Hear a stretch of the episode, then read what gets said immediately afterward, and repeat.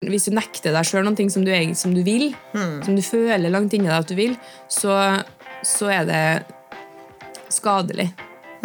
Det er jo det kulturen vår forteller oss. Men det er jo virkelig ikke alltid man skal gjøre det man føler for. Nei, absolutt ikke. Og så spørsmålet når skal man gjøre det man føler for, og når skal man ikke gjøre det man føler for? Ja.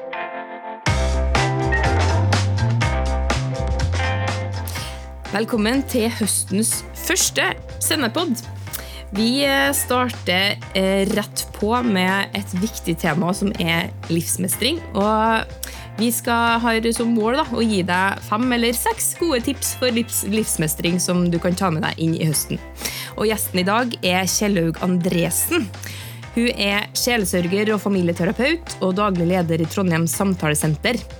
Og det er et lavterskel samtaletilbud som alle kan benytte seg av, med en grunnleggende kristent verdisyn, og de er opptatt av at alle, uansett tro og tilhørighet, skal møtes med respekt og omtanke. Og den oppmerksomme lytter vil legge merke til at hun har vært gjest i Sendepoden før. Da snakka hun med Hanne Eskeland om psykisk helse. Denne gangen skal vi gå inn på livsmestring og snakke rundt en del tema de aller fleste av oss vil kjenne oss igjen i. Vi spør hvordan kan jeg komme meg ut av offerrollen? Hva gjør jeg når katastrofetankene tar overhånd? Hvilke følelser skal jeg handle på? Hvilke skal jeg ignorere? Og hvordan kan jeg leve trygt i en utrygg og usikker verden? Hva kan jeg egentlig forvente av livet? Og hva med døden oppi alt det her? Vi får se hvor lang tid det tar å komme gjennom. Men det her og mye mer får du i høstens første sendepod.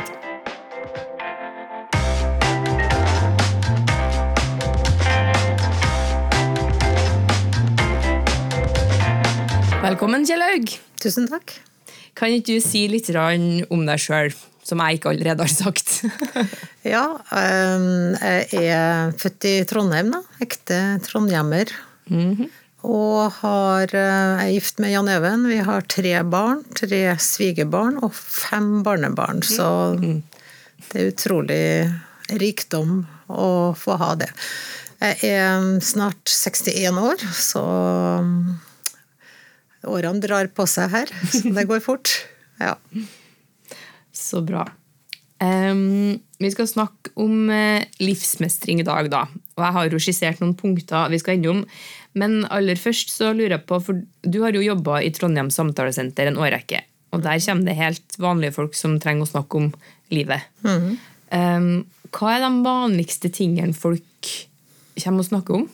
Hvis man kan si noe generelt, liksom, uten å bryte noe taushetsplikt. Ja da, nei, det går eh, fint. Eh, Jeg tenker det er veldig mye relasjonsproblematikk. Eh, At man strever i sine relasjoner med ektefelle, med barn, foreldre. Det kan være konflikter på jobb, det kan være kriser.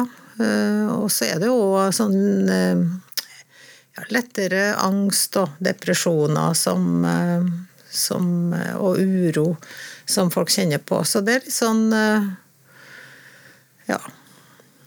Innenfor det feltet der. Innenfor de områdene der, da. Mm. Er det Har eh, det folk kommer og skal prate om, endra seg i de siste fem eller ti årene? Um, Det har kanskje endra seg i den formen av at eh, det er flere som søker hjelp, tror jeg. For, eh, for de utfordringene de har, istedenfor å stå og bale med dem sjøl. Og så endrer det jo seg litt sånn i takt med, med den kulturen vi er en del av. Eh, Jeg tenker jo dette med den digitale verden og ensomhet og den her utrygg, ja, utrygg selvbilde og det det fører med at vi blir så opptatt, enda mer opptatt av kanskje hva andre tenker om oss eller uh, føler om oss, da. Hmm. Ja. Er det Går det an å si noe generelt om hvem som kommer? Er det sånn aldersgruppe, kjønn? Det er i hovedsak eh, aldersgruppa sånn par og 20 år og til sånn underkant av 50 er den liksom hovedvekten, tenker jeg. Men vi har jo noen barn og tenåringer, og så har vi òg mange fra 50 til 70 år. Så det er, og eldre også, kunne ha kom- enn 70 år har vært innom oss. Så det er åpent for alle, men det er dem som eh, Den største gruppa er nok mellom 20 og 45, tenker jeg. Mm. Er det flest kvinner, eller er det bare fordommene mine som tenker det? Ja, det er mange som eh, Altså, kvinner er jo flinkere til å prate om livet sitt og flinkere til å søke hjelp, sånn generelt sett. Men i de siste årene, hvis noe hadde endra seg, så er det det at vi har hatt en veldig stor pågang av menn. Så har, eh, det er mange menn som også søker hjelp på samtalesenteret. Mm. Det er jo råbra. Mm. Har dere også eh, flere mannlige rådgivere? Eller samtalepartnere? Ja, det har vi. Mm. Så bra. Ja. Ok, vi skal gå først inn på litt det her med, med offerrollen. Um, fordi at det er jo mange som har opplevd voldsomme ting i livet. Enten det å vokse opp i et utrygt hjem, misbruk eller mobbing. Og det er mye forskjellig mange sliter med.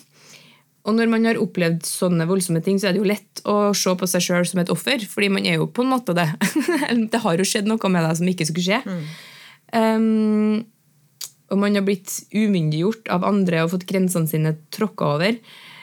Men så er det jo oss som ikke har opplevd sånne voldsomme ting også, um, som likevel ser på oss som et offer for omstendighetene, på en måte.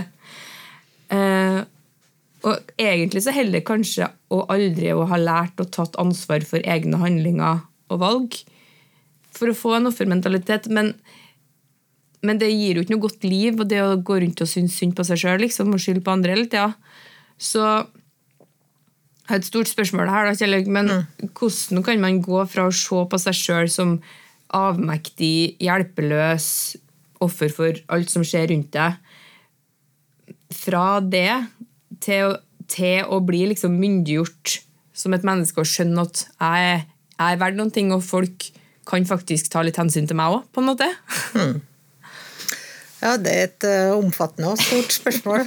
Jeg skal prøve å nøste litt i det der, da. Men, uh, men når det gjelder det her med, med, at man på en måte er utsatt for ting, mm. uh, og per def er et offer, så er det jo forskjell på å være det og føle seg som et offer og på en måte innta en sånn type offerrolle som gjør at jeg syns synd på meg sjøl. Eh, det er også stor forskjell på selvmedlidenhet og selvmedfølelse. Ja. Sånn hvis, eh, men selvmedfølelse er utrolig viktig. At jeg kan føle med at det jeg har opplevd, det er vondt. Og, og, og det, det, skal det få lov til å være. Eh, den følelsen kan ikke noen ta ifra deg. Men, men har man opplevd veldig mange vanskelige ting, så er det jo lurt å søke hjelp. Og få bearbeida noe av den smerten man bærer på. Og vi reagerer jo også forskjellig på traumer og på oppvekstmiljø og litt sånne ting, og det handler jo litt sånn om personlighet også. Ehm, men hvis vi på en måte inntar denne livsholdninga om at det er synd på oss, så er det en stor belastning både for meg sjøl, men også for omgivelsene. Fordi at jeg vil på en måte forvente av alle andre at de skal Eh, på en måte um, ja, støtte meg, forstå meg, hjelpe meg. Og så tar man ikke så veldig mye ansvar sjøl, da. Så for å komme seg ut av den offerrollen, så er det jo noe med å og antagelig må man ha litt hjelp òg, hvis man lever i den. Alle kan vi innta denne offerrollen sånn i jevne mellomrom. altså Synes synd på oss sjøl og bli litt sånn overgitt av disse følelsene, men kommer oss fort ut igjen. Mm. Eh, så dette er, jo, dette er jo også normalt, sånn at ikke vi bare kategoriserer det som, som unormalt. Men hvis det er en liksom gjennomgående livsholdning, så blir det veldig krevende for både omgivelsene og en sjøl. Mm. Så ofte trenger en litt hjelp til å gå noen runder med å Det er jo ikke alltid man ser det heller sjøl. Og det er jo det som kanskje er hovedproblemet, at det mm. ikke skjer at jeg har denne holdninga her, da. Men under det der så ligger det jo veldig ofte mye sånn angst og depresjon og um, en vond historie som gjør at jeg har kommet hit. da. Mm.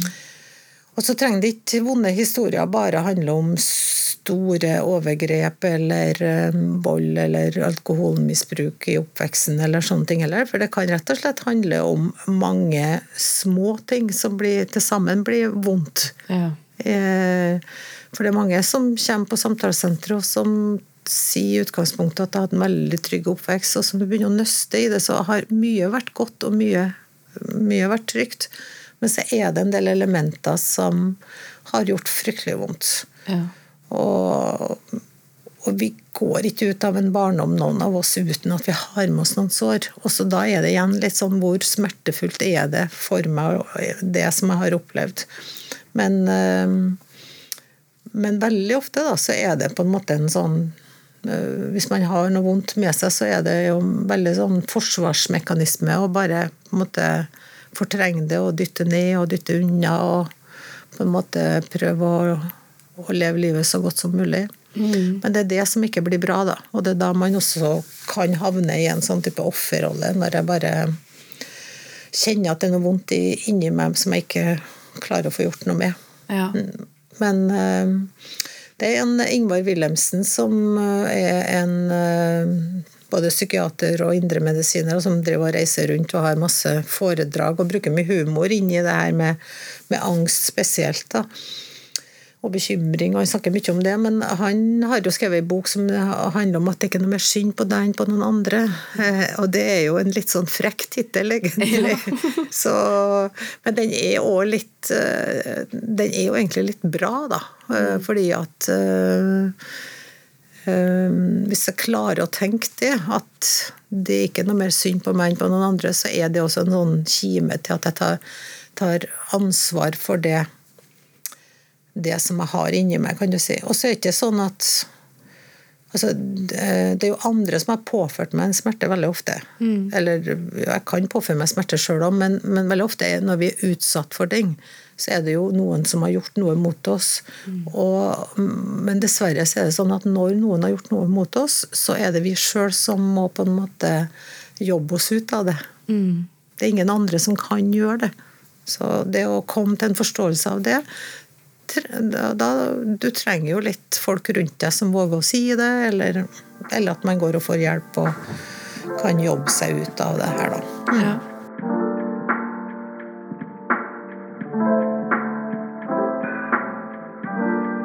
Men hvordan, hvis man er pårørende på en måte, til en person som har utfordringer på den måten, hvordan mm. kan man på best mulig måte hjelpe en person til å forstå at det du går og bærer på, trenger du hjelp til å bearbeide? på en måte?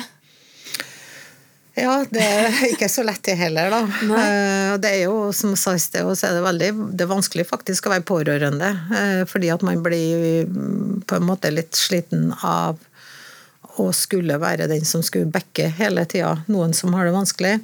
Og det gjelder jo kanskje både i vennskap, men òg ikke minst kanskje i foreldre-barn-relasjon. Mm. Um, så tenker jo at tydelig og klar tale kan være bra, hvis man klarer å, å si noe om det, hvordan man sjøl opplever det. At dette er vanskelig for meg fordi at og sånn, og at du kanskje trenger noen å snakke med. Veldig ofte får man motstand på det. Mm. Eh, men, eh, men det som veldig ofte kanskje også er problemet, er jo at eh, de som står rundt, strever så mye med egen samvittighet. For eh, en, en i en offerrolle kan gi andre veldig dårlig samvittighet. Mm. Du kommer så sjelden innom. Um, jeg ser deg så lite, du ringer så sjelden. Um, ja, på en måte den her, Du gjør aldri noe nok, da. Ja.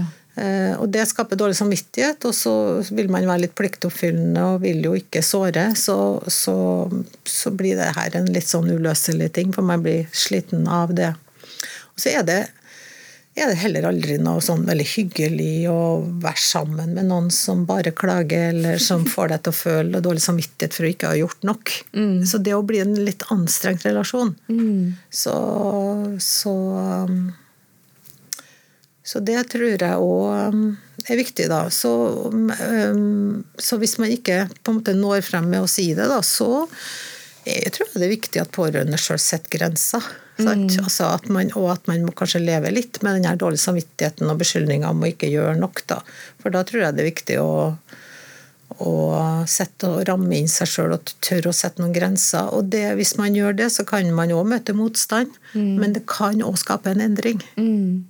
Så hvis man fortsetter å gjøre det man alltid har gjort, så skaper ikke en endring. Men hvis man på en måte begynner å gjøre noe annet, så kan det skape en endring hos, hos eh, den andre også. Ja. Så av og til må man leve litt med at uh, man får dårlig samvittighet, eller at, uh, at man ikke At den andre ikke blir så fornøyd, da. Ja. Mm. Og så blir den andre faktisk aldri fornøyd. Nei. Det, det blir aldri nok. Så det, Det er jo en av livslærdommene man lærer seg etter hvert, at man, det, man kan ikke gjøre folk til laks generelt. Nei, man kan ikke det. Mm. Men jeg har lest eh, en plass at, eh, at det kan være til hjelp for, eh, for, for dem som, som sitter litt fast i det her, og, og på en måte spør Hjelp til å myndiggjøre, på en måte. da. Eller sånn her, å ha noen sånne spørsmål. Ok, det her er situasjonen, men hva, hva kan du gjøre med det, f.eks.? Eller eh, ser du noen måter det går an å, å endre det her som du kan ta tak i, liksom? Er det noe å ta med seg? Absolutt. Mm. Ja. Um, men hvordan Altså eh, Et spørsmål er liksom Kan man hjelpe noen som ikke har lyst på hjelp? Nei, egentlig ikke. Nei. Da kan man på en måte bare være der, da. Eller liksom Ja, altså, man kan, altså, tror, altså Hvis man klarer å tenke at det å sette grenser her, da hvis vi får, så At det er til hjelp, Ja. så kan man hjelpe noen. Men det er ikke den følelsen du sitter med når du begynner å lage grenser og sette grenser. Så er ikke den følelsen av at nå er du virkelig til hjelp. Du sitter igjen med.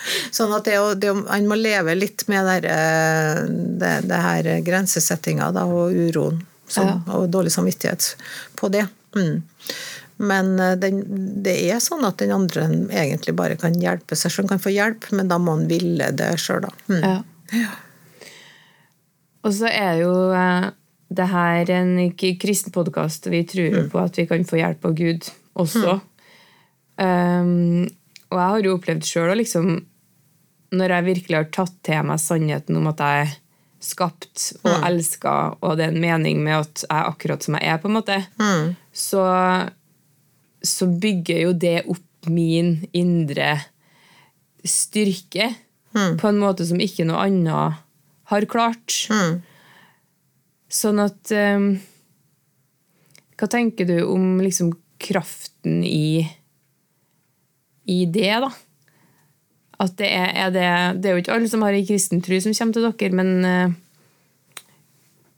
Men eh, det å, det å på en måte leve i et verdensbilde der det er en mening med deg, vil jeg jo tro at er til hjelp. Absolutt. Ja, det, det tenker jeg òg. Og jeg tenker jo at øh, den øh, Altså at både det her evangeliet om Jesus og den kraften som man har, og den det at vi har med en levende Gud å gjøre. Ja. Og han handler mye dypere inn i et menneskes liv enn vi klarer å gjøre i verken i ja, i de fleste relasjoner, og ikke i en sånn samtaleform òg. Så, sånn at eh, det å ha tro på en Gud som virker, og som kan komme med legedom inn i livet, det, det, det kjenner jeg at det er viktig for oss på Samtalesenteret, men det er viktig for meg personlig òg. Så jeg tenker jo at det, det er ikke her er ikke noen motsetninger, men jeg tror at bærer jeg på mye, så tror jeg at veien ut av det er å gå med no, sammen med noen eh, i det. Men også, da, hvis man har en tro, så er det også det at i det så er også Jesus med på den livsveien på en måte man går. Ja. Uh, For det, det skaper òg mye helbredelse og på en måte forstå meg sjøl, forstå mine egne følelser, forstå det, hva som har ramma meg, og, hva, ja, og, og hvem jeg egentlig er. For det er jo noe med det at når jeg blir ramma av ting, eller noen har gjort meg noe vondt, så skaker det jo den jeg er. ja. Mm. Sånn at eh, en gjenopprettelse av det er jo på en måte viktig eh, på alle mulige måter. Både for hvordan jeg tenker om meg sjøl, hva jeg føler om meg sjøl, men også ikke minst å ta til meg det, det, Gud, den, det Gud sier at jeg er. Eller den jeg er skapt til å være, da. Mm. Altså Noe av det som jeg på en måte elsker med kristendommen, er at vi har en gud som vet hvordan det er å være menneske. Mm, og som på en måte vet hvordan det er å lide. Mm. Sånn at en gud som lir med oss, og som ikke er distansert eller ikke, ikke Det er en gud som har kjent på kroppen hvordan det er å være menneske, liksom. Og det er store ting. Og det som er viktig med det, da, s- mm, det er jo det at øh, vi er mennesker. Og det er litt lett å glemme noen gang. At vi har litt store forventninger til oss sjøl. At vi nesten skal tenke at vi skal tåle alt, eller vi skal på en måte ja, være sterke, eller vi skal ja. At ikke vi tåler vår sårbarhet, og ikke at, at vi ikke tåler våre følelser. At vi ikke vi kan være svake. Og Paulus sier jo det at når jeg er sterk, så er jeg svak, og når jeg er svak, så er jeg sterk. Og det er noe utrolig visdom i det der, altså. At eh, det er når jeg tør å være sårbar, da, at jeg egentlig er sterk. Ja. Eh, og, og så, så det der er friheten i å skal faktisk få lov til å være et menneske.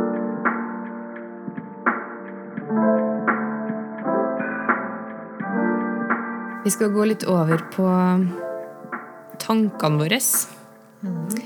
Fordi at uh, vi tenker jo Altså, hvor mange tanker vi tenker i løpet av en dag, det vet ikke jeg, men det må være utrolig mange. og hva vi tenker, det påvirker oss uh, veldig sterkt. Og mange av tankene vi tenker, er jo helt sånn eh, Helt på jordet. Fordi det er, mye, det er mye man kan tenke som aldri Som bare er en altså, Jeg for eksempel er ganske god på sånn katastrofetenking. Em, sånn at jeg er innom ganske mange scenarioer om hva som kan skje med ungene mine hvis de er hjemme alene, eller går hjem fra skolen, eller de ikke har med seg smartklokka si, eller liksom uh, og, så, og så er det varierende i hvor stor grad jeg klarer å styre de her tankene. Da.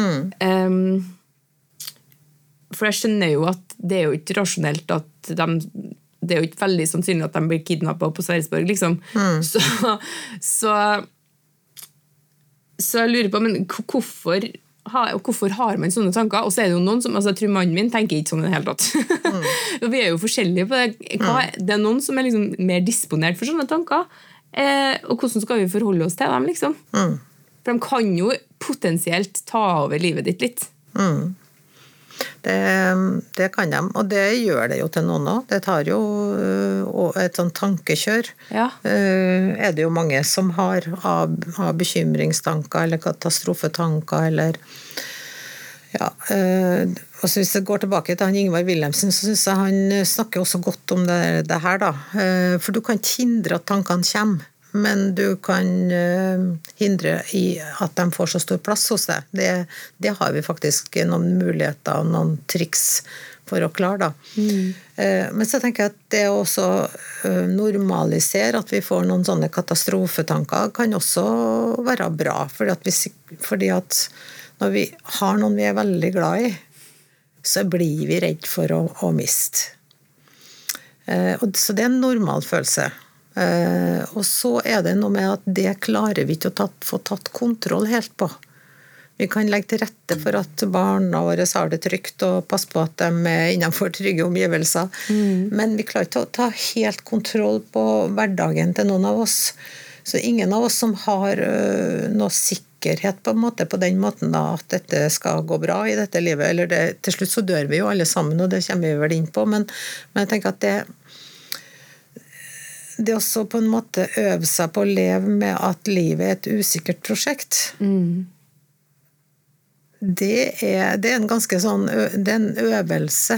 Eh, Så katastrofe, hvis det, man har mye katastrofetanker, så er det jo det å øve på at ja Først anerkjenn følelsen. tenker jeg, Ja, jeg er redd for å miste barna mine, jeg er redd det skal skje dem noe. Det er jo ikke noe rart.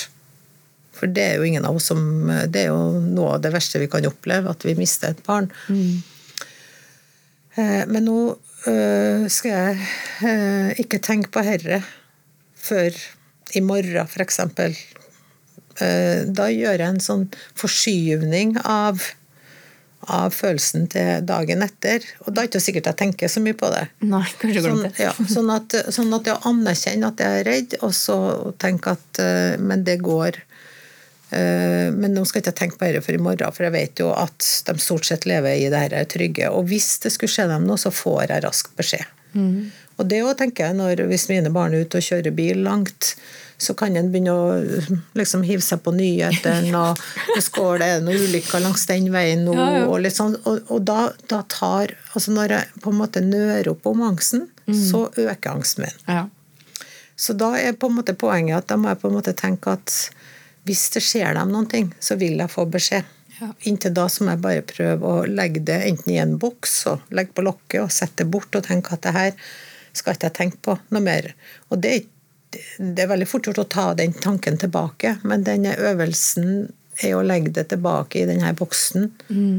med en gang den kommer tilbake. fordi at, og, og da vil du etter hvert trene opp hodet til å forflytte disse tankene bort ifra denne katastrofen. Da.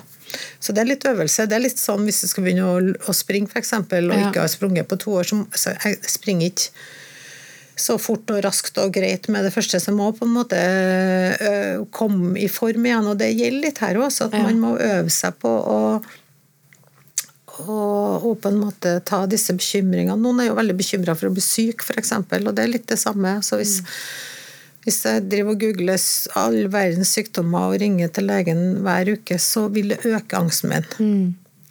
Men, eh, men, eh, men hvis eh, Og så er det ofte, som Wilhelm- Wilhelmsen sier veldig ofte, at det jo, man plukker jo seg ut én ting man er redd for, men det er jo masse ja, man kunne jo være redd for alt mulig.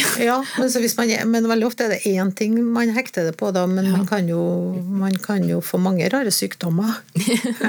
så at det er jo på en måte litt sånn unødvendige bekymringer som tar fra oss veldig mye energi. Får, og, og målet vårt er på en måte å få tatt kontroll på livet, men det får vi ikke tatt. Og han Per Fugelli, jeg husker jeg når han levde, så sa han det veldig ofte at det, det må på en måte, vi, vi blir ikke trygge før vi skjønner at livet er usikkert, og aksepterer det. Ja. At det er, det er sårbart. Eh, Det er I denne verden så er livsvilkårene Det er krig nå. Det er klimautfordringer. Det er ja, det, det, det, det er et sårbart liv. Jeg får ikke tatt kontroll på det. Nei. Nei. Så det å ja, det er jo på en måte, og, og hvis dette her tar overhånd, så tenker jeg jo at man, da må man søke hjelp, så man får, får hjelp til å øve seg på å ta og legge bort og akseptere det her livsvilkårene vi lever under. Ja. For det, det er, Vi har ingen garantier, selv om vi har en tro òg, så har vi ingen garantier for at vi skal være friske hele livet, eller skal leve til vi er 90 alle sammen, eller Det ser vi jo skjer, og det, det, er, liv, det er livsvilkårene vi lever under, tenker jeg. Så, og det kan like godt ramme meg som det rammer noen andre. Ja. Um, ja, så, så det å jobbe med de tingene her for å ikke la herre ta overhånd, det tror jeg er viktig. Mm. Ja. Jeg oppdaga at eh, det kan være mange tanker som man ikke egentlig legger merke til, sånn bevisst. Sånn at når jeg, når jeg begynte liksom å Oi, herlighet, nå tenkte jeg på at ungene mine eh, døde en forferdelig død. Men det er ikke alltid man legger merke til det. Sånn at Et av triksene mine har i hvert fall vært liksom, ok, å identifisere tanken. Der var den. Ok, nå legger jeg den i boksen, eller nå velger jeg å rasjonalisere, sånn at sannsynligvis så, så får jeg si god natt til dem i dag òg, liksom. Eh, men det er noe med å, å på en måte legge merke til sine egne tankemønster da, og sine egne spiraler. For man har jo noen som man liksom hopper ned i, ut i, og så bare plutselig så er det sånn sklie, så har du jo lavna rett ned i bassenget og må komme deg opp igjen. Um, Og det, og det er jo sånn det ofte skjer, og det måten å stoppe det på, er jo å oppdage det. Sant? Altså at en er litt bevisst på det. Jeg har jo litt sånn sansen for å ta runden, øh, altså ta, ta svingen innom at det, det er en frykt jeg føler, ja. eh, samtidig. Og anerkjenne det at det er greit, det. Ja. Eh, men nå skal ikke jeg bruke Nå skal ikke jeg gå ned i bassenget, her som du beskrev. Da. Nå skal jeg la være det. Mm. Ja. I tillegg. Til, for da, tar du, også- du, da får du både med både følelsen det har skapt, og, og at du tar et oppgjør med den tanken. Mm. ja. Og så slipper du å føle noe, for det er jo ikke noe skam i å føle det. på en måte. Det er jo helt naturlig, som du sier, å være redd Ja. for det du er glad i. Ja. Og, og, og der er jo kanskje noen av mine kjepphester, da, fordi at eh, hvis vi skammer oss over følelsene våre, så gjør vi det enda verre for oss. Mens hvis jeg sier ok, men det her er jo min følelse, den er ok, Ja. Nettopp. det, da reduserer jeg den skammen. da. Ja.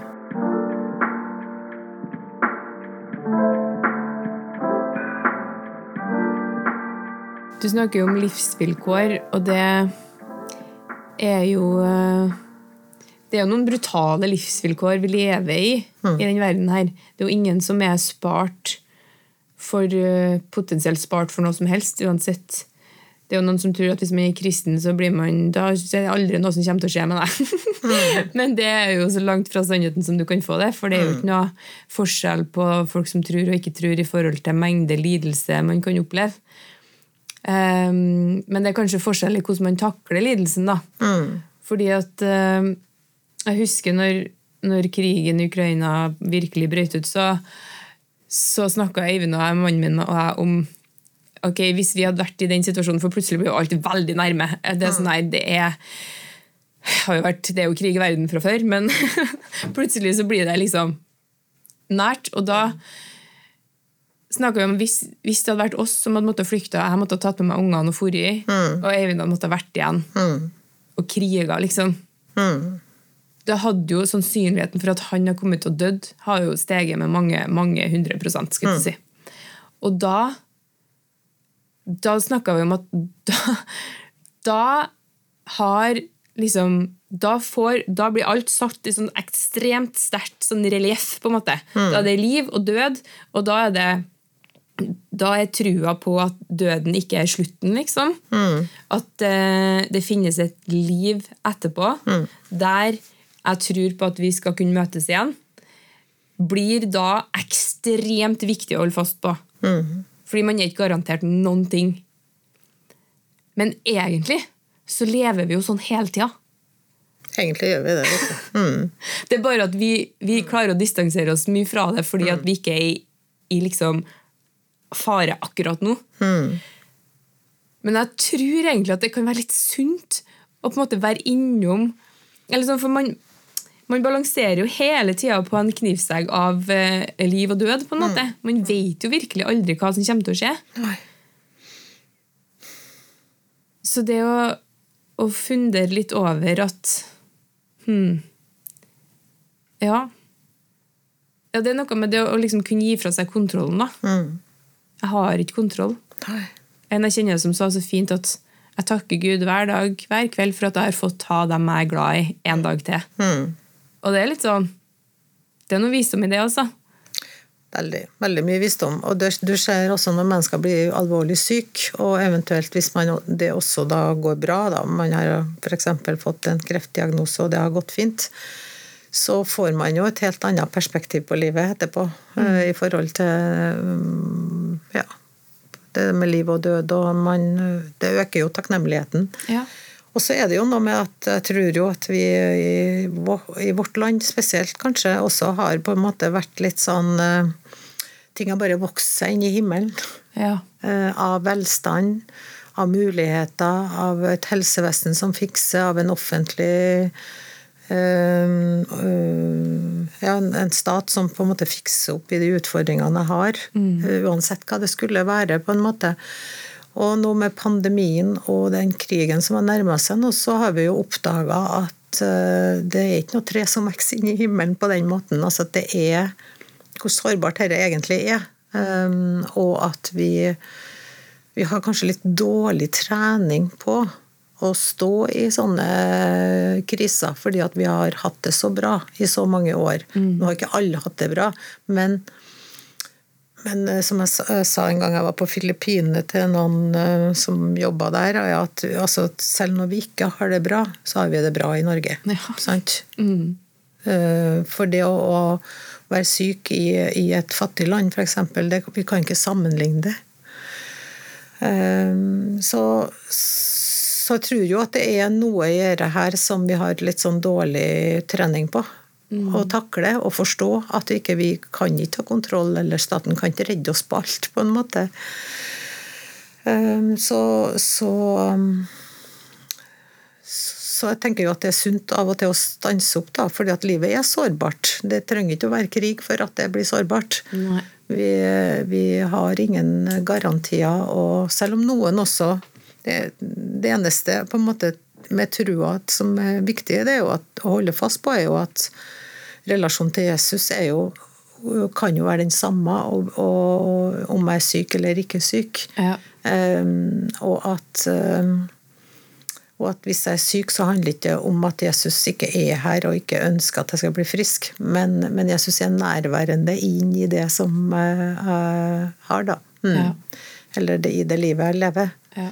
Uh, og at vi uh, For det er jo noen som tenker at bare jeg tror nok, eller ber nok, eller så, så vil på en måte det skje en helbredelse her og nå. Og det gjør det jo ikke alltid.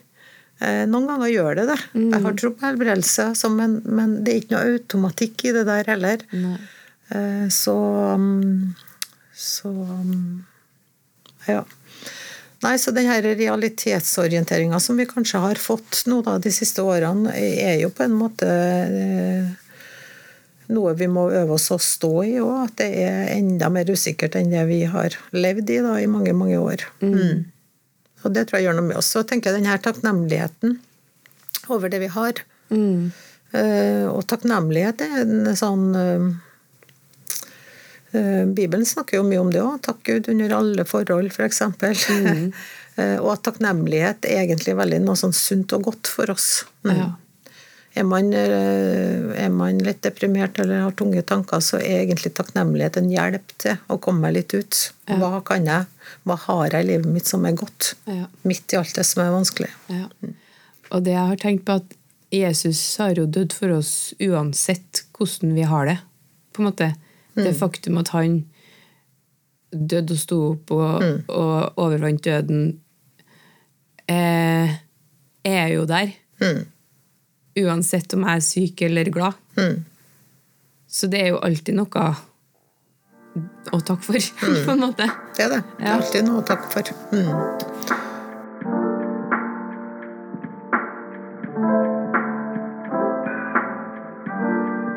Ok, vi skal over på, på følelser. Mm. Um, for tanker og følelser det er jo to ord som blir brukt litt sånn om hverandre. Mm. Men hva er egentlig forskjellen på tanker og følelser? Ja, det er noe Eh, et eh, godt eh, spørsmål, egentlig. Fordi at man tenker jo er det tanken som kommer først, eller er det følelsen som kommer først? Og det tror jeg de litt sånn de lærde strides litt om òg, da. Men, men jeg, jeg, jeg, tenker jo at, at det, det på en måte det er noe helt i det, da. At det ikke er så lett å dra det fra hverandre som om det skulle være to forskjellige ting. Mm. Noen ganger så trenger vi å øve oss opp på å tenke mer positive tanker, eh, sånn at vi ikke går ned i den kjelleren, berømte kjelleren mm. og spinner oss nedover. Det, det, tror jeg jo, så Sånn sett kan vi jobbe med tankene våre. Men når det gjelder følelser, eh, så, så tenker jeg at Gud har skapt oss med følelser. Et sett med sånn grunnleggende følelser. Mm. Og psykologien beskriver jo det er litt forskjellig hva de beskriver, men sånn i hovedsak og oftest så ser jeg at det er sju typer grunnleggende følelser de beskriver oss med. Og det er det er jo fem negative og to positive. det, er jo, det er jo spesielt bra, kan en tenke da, at vi skal ha så mye negative følelser. Men, men følelsene, da, de er en uh, informasjon til oss om ja. noe som er viktig for oss. Ja. Sånn at hvis vi ikke lytter til følelsene våre, og ikke forstår dem heller, så mister vi ganske mye kunnskap. Ja. ja. Så, så for eksempel disse fem negative, eller i hvert fall det er jo sinne. Fordi at Sinne er en sånn grensesettingsfølelse. Den trenger jeg å ha fordi at jeg skal beskytte meg sjøl. Mm. Hvis noen tar fra meg muligheten til å være sint, så, så mister jeg grensene mine. Mm. Og det er det mange barn som opplever. Gå på rommet ditt, ikke kom tilbake når du har blitt snill. Altså, mm. At man ikke får lov til å være sint. Mm. Eh, Jeg tenker Barn trenger å få lov til å kjenne at de, eh, når de blir sint For når du er urettferdig behandla eller krenka, så er sinne en sånn normal reaksjon. Og så må barn lære, også voksne selvfølgelig, men barn lærer at, eh, at eh, vi kan ikke slå fordi vi blir sint, men vi må på en måte finne måter å uttrykke sinne på som er sunt. Sant? Sånn at ikke sinnet vårt rammer noen andre, for det, det er det stor forskjell på. Likeens er det jo tristhet, eller sorgen er jo der når vi mister noen jeg er glad i, så skal sorgen få lov til å få plass. Mm. Det er en naturlig følelse, en tapsfølelse. Eh, Frykten jeg skal skjønne at noe er farlig for meg. Mm. Det er jo veldig fornuftig at Gud har skapt oss med det her. Ja. Eh, Skammen ja, det, det er jo noe vi ikke liker, et ord vi ikke liker lenger. Alle har vi, bærer vi med oss både sunn og usunn skam. Men den sunne skammen er jo at jeg skjønner, jeg skjønner at jeg har gjort noe galt og syns det er flaut, rett og slett, eller skammer meg. Ja. Eh, Men det, meg, det, det vil òg korrigere meg da, til å ikke gjøre det flere ganger hvis det var noe som såra andre eller meg sjøl. Mm. Den sunne skammen er jo at det er noe galt med meg. Den er jo ikke noe god å ha med seg. Den usunne skammen, ja. Ja. Og alt, alle disse grunnleggende følelsene våre kan på en måte eh, altså Tristhet kan bli til depresjon. Vi kan få um, tyngre angstproblematikk. Um, at ikke vi ja, en type angst som gjør at vi blir hemma i dagliglivet. Tør ikke å ta heis, tør ikke å gå på bussen. Uh, ja, tør ikke å være i et selskap. Masse sånne ting. Og så har vi jo um, um, ja, det her med skam, da, at jeg føler at det er noe galt med meg, vil jo påvirke alle mine relasjoner. Sant? Jeg blir veldig opptatt av hvordan andre responderer på meg. Ja. Um, Så, så følelsene har en utrolig viktig funksjon. Og så kan de jo på en måte mm, på en måte bli litt sånn for sterk Ikke for sterke, altså, men når de er sterke, da, så, så er, det, er det noe vi burde gått litt inn i. Finne ut hvorfor reagerer jeg så gærent nå i en sånn situasjon som jeg ikke Som egentlig ikke er så stor, da. Mm.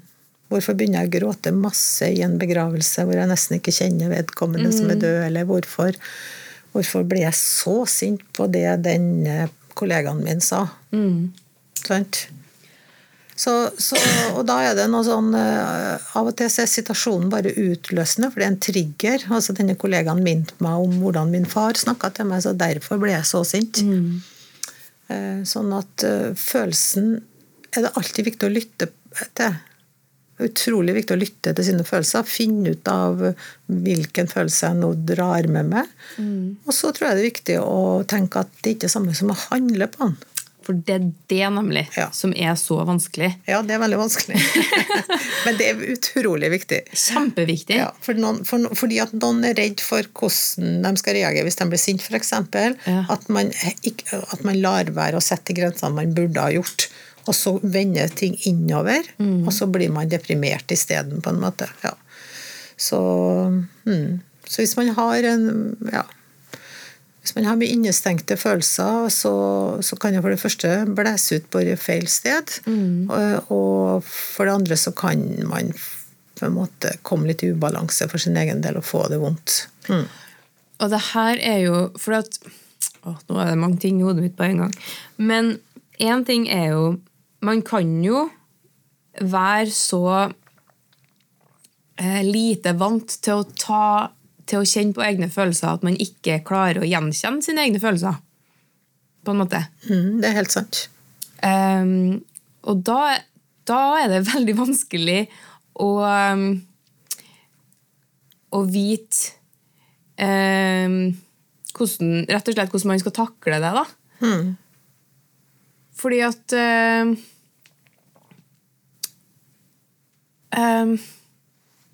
jeg bare kjenner meg, jeg kjenner meg litt igjen i det, for jeg, jeg er jo også sykehusklovn. Og så når, vi, når jeg skulle begynne å jobbe med å bli det, så er en av tingene man må gjennom, er liksom emosjoner. At man må klare å stå i eh, på en måte klovnen sin eh, sine eh, helt sånn ærlige og rene emosjoner. Sånn at i en improvisasjon, for eksempel, der der den klovnen jeg spiller med, eh, tråkker meg på tærne og jeg får dritvondt, så må jeg kunne klare å stå i det og, og være lei meg og sur og ha vondt, liksom. Og det er jo klart at det er jo ikke Siri som har vondt, men det er jo klovnen som skal på en måte eh, kunne kun, um, være et speil for den følelsen. da. Sånn at det barnet som eventuelt er med på leken, eh, skjønn- klarer å lese meg veldig veldig tydelig. Sånn, at ingen, sånn at ingenting blir, eh, blir skummelt. For at det som er skummelt, er når ting er liksom utydelig og uklart. og, og sånne ting. Og gjennom det så, så bare merka jeg meg selv at å herlighet, jeg syns det var veldig vanskelig. da. Fordi at jeg, jeg har nok opp igjennom eh, syntes at, sagt at jeg syntes at mye har vært greit.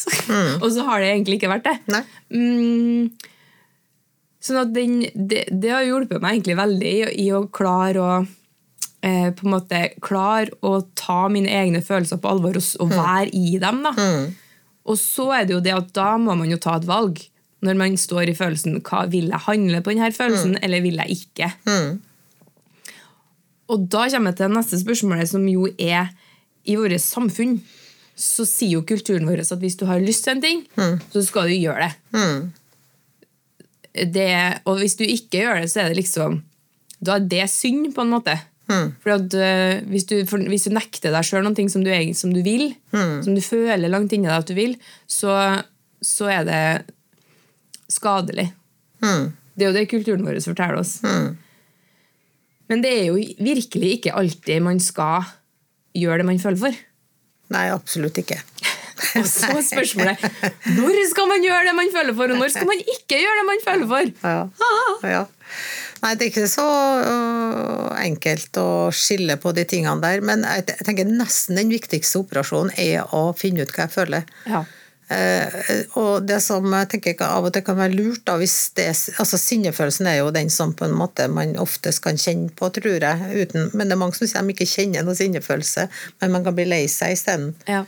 Um, øh, og det er jo en sånn forskyvning av et sinne. Da, sant? Altså at hvis jeg ikke har, har fått lov til å kjenne på sinne når jeg har vært barn, men gråt har vært tillatt, så går, tyr vi ofte til gråten i stedet for.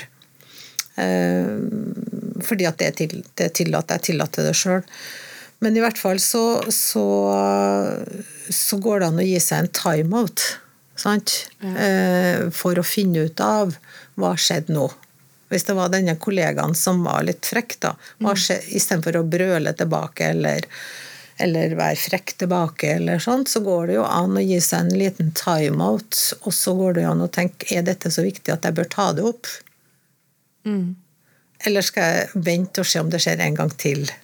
Eh, Sånn at, sånn at eh, det, å, det å på en måte finne litt ut av hva er det jeg kjenner på, og så finne ut hva er lur reaksjon på det her. Men noen ganger må man jo reagere i en situasjon. Hvis noen blir for eh, nærgående i en situasjon, så, så må man jo på en måte få lov til å reagere med en grense.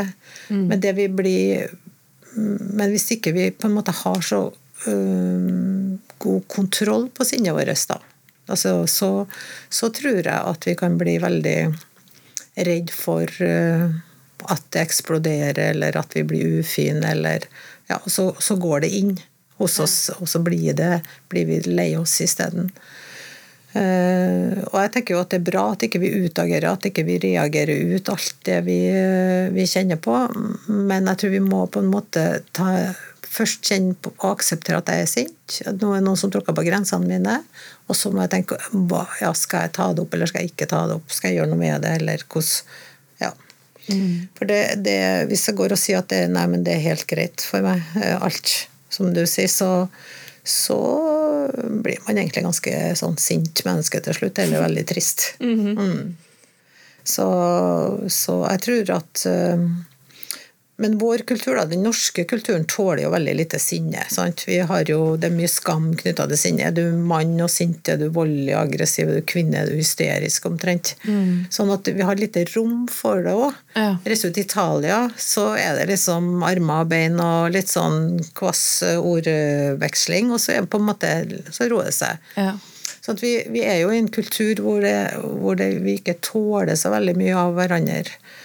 Eh, og så er vi veldig redd for hva andre tenker og mener, da, om jeg skulle sette den grensa. Nå ja. blir hun lei seg, eller hun liker ikke meg så godt hvis at jeg sier det her, liksom. Mm. Ja. Så vi, blir, vi, er veldig redd. Eh, og det, når jeg ikke klarer å sette grenser, så blir vi redd.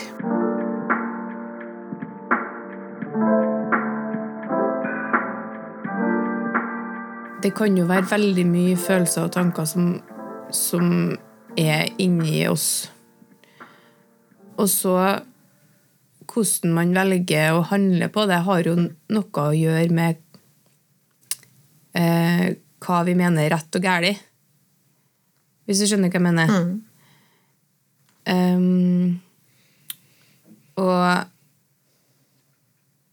Og um, altså Spørsmålet mitt er egentlig hvis man ikke skal navigere etter følelsene sine Mm.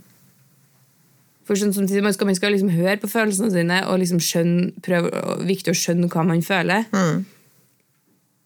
Men eh, Så én vei er jo å skjønne liksom Jeg har kjempelyst på godteri. Eh, da kjøper jeg meg godteri. Mm. Veldig banalt eksempel, da. Mm. Men det er jo ikke det beste for meg å kjøpe mm. godteri hver dag. Eh, men hvis eh, filosofien min er at det jeg føler er sant, og det må jeg rette meg etter, mm. så vil jeg jo gjøre det. Mm. Men, men eh, tror, hvis, hvis man tror på Gud, har jo en, noe annet å navigere etter, mm. som er liksom ikke oss sjøl. Mm. Eh, og som jeg jo er ekstremt takknemlig for at jeg har, for da har man på en måte en, en moralsk guide mm. som forteller meg noe om hva som er rett og galt, mm. som ikke er meg. Og det hjelper meg. Mm. Men Men, men gå, bare, hvordan navigerer man hvis man ikke har Man har jo, Alle sammen har jo noen i Og nå ruter jeg meg bort. Men alle sammen har jo noe som man mener er rett og galt, uansett mm. hva man tror på. Mm. Så jeg vil jo tro at man navigerer en slags vei i det, da. Ja, det tenker jeg, og alle har jo, har jo et verdisett i seg på et eller annet vis, tror jeg. Ja. Så man navigerer jo etter etter, eh, etter det verdisettet. Eh, det vil jeg tro at de fleste gjør. da. Og så kan man jo ha veldig ulike tanker om hva er gode verdier, selvfølgelig. Ja. Eh, men, men, jeg tenker jo at det er mye lettere for meg å ta gode valg for meg sjøl når jeg har vært veien om følelsene mine. Ja. Apropos dette med, med godteri. Da. Så hvis jeg, hvis jeg skulle på en måte lytte til mine behov hele tida uten å koble på tanken og fornuften og sånn. Og jeg, tenker alt Gud har gitt oss alt det her. Ja. I Bibelen er jo hjertet på en måte, det er jo et sånn um, symbol på viljen vår, på følelsene, på tankene, på alt det som bor i oss, altså ånd. Mm. Alt, alt, alt, ligger i dette hjertebegrepet, på en måte. Og jeg tenker at det, det er, det er noe helt i det, da. Mm. Ja. Sånn at, det, sånn at vi, vi, vi trenger å bruke det rasjonelle på å finne ut av om det er lurt å handle på det jeg kjenner på nå. Mm. Eh, og det tenker jeg sånn, det, er jo en beskyttelse i det når du kjenner magefølelsen på at dette ikke er greit, f.eks. Mm. Altså du kjenner at uh, du møter et menneske og du tenker at dette det her kjenner jeg at uh, det er et eller annet som skaper et eller annet i meg. Mm. Det er også noe man skal lytte til. Det er jo mm. veldig ofte at man senser noe som er rett òg. Mm. mm. Det er jo ikke bare gode mennesker her ute. Nei. Nei. Så, så, så, jeg tror at det er viktig å på en måte koble sammen da, disse følelsene og det, det rasjonelle. Mm. Ja. Og da i det rasjonelle på en måte så ligger jo også de verdiene du har. Ja. Altså det, jeg ønsker Nå hadde jeg mest lyst til å gjøre det, men nå, nå er det noen verdier her som styrer over det jeg har mest lyst til. Ok, ja. da gjør jeg det mm, ja. i stedet. Ja, vi har jo evnen til å se et større bilde. Har du så? Ja. ja. Men jo mer jeg har kontakt med disse følelsene og vet litt sånn hvordan, de er, og hva, hva, jeg reagerer på og kjenner meg sjøl ja. For det handler jo litt om det at jeg kjenner alle sidene med meg sjøl. Ja. Eh, vi er jo både Vi har jo veldig mye bra i oss alle sammen, men så har vi jo noen dårlige sider. Og jo mer vi blir kjent med oss sjøl og på en måte aksepterer alle sidene med oss sjøl, så jo mer eh, trygg blir jeg jo i møte med andre og, og klare å ta gode valg, da. Mm. Ja. Det er jo noe med å innse at man ikke er perfekt òg. Det er noe med det. Sitter langt inn. ja, sitter langt inn. men, men, jeg tror jo at uh, det, det, som er bra med å ha, på en måte tenke at, eller ha en tro, da, det er jo at vi på en måte er jo Jesus, Jesus har jo gjort det sånn at vi kan ikle oss Han. Så overfor Gud er vi jo perfekt. Sant? Ja. Så i hvert fall én gang. gang. Og så er det jo helt fantastisk det med at liksom man kan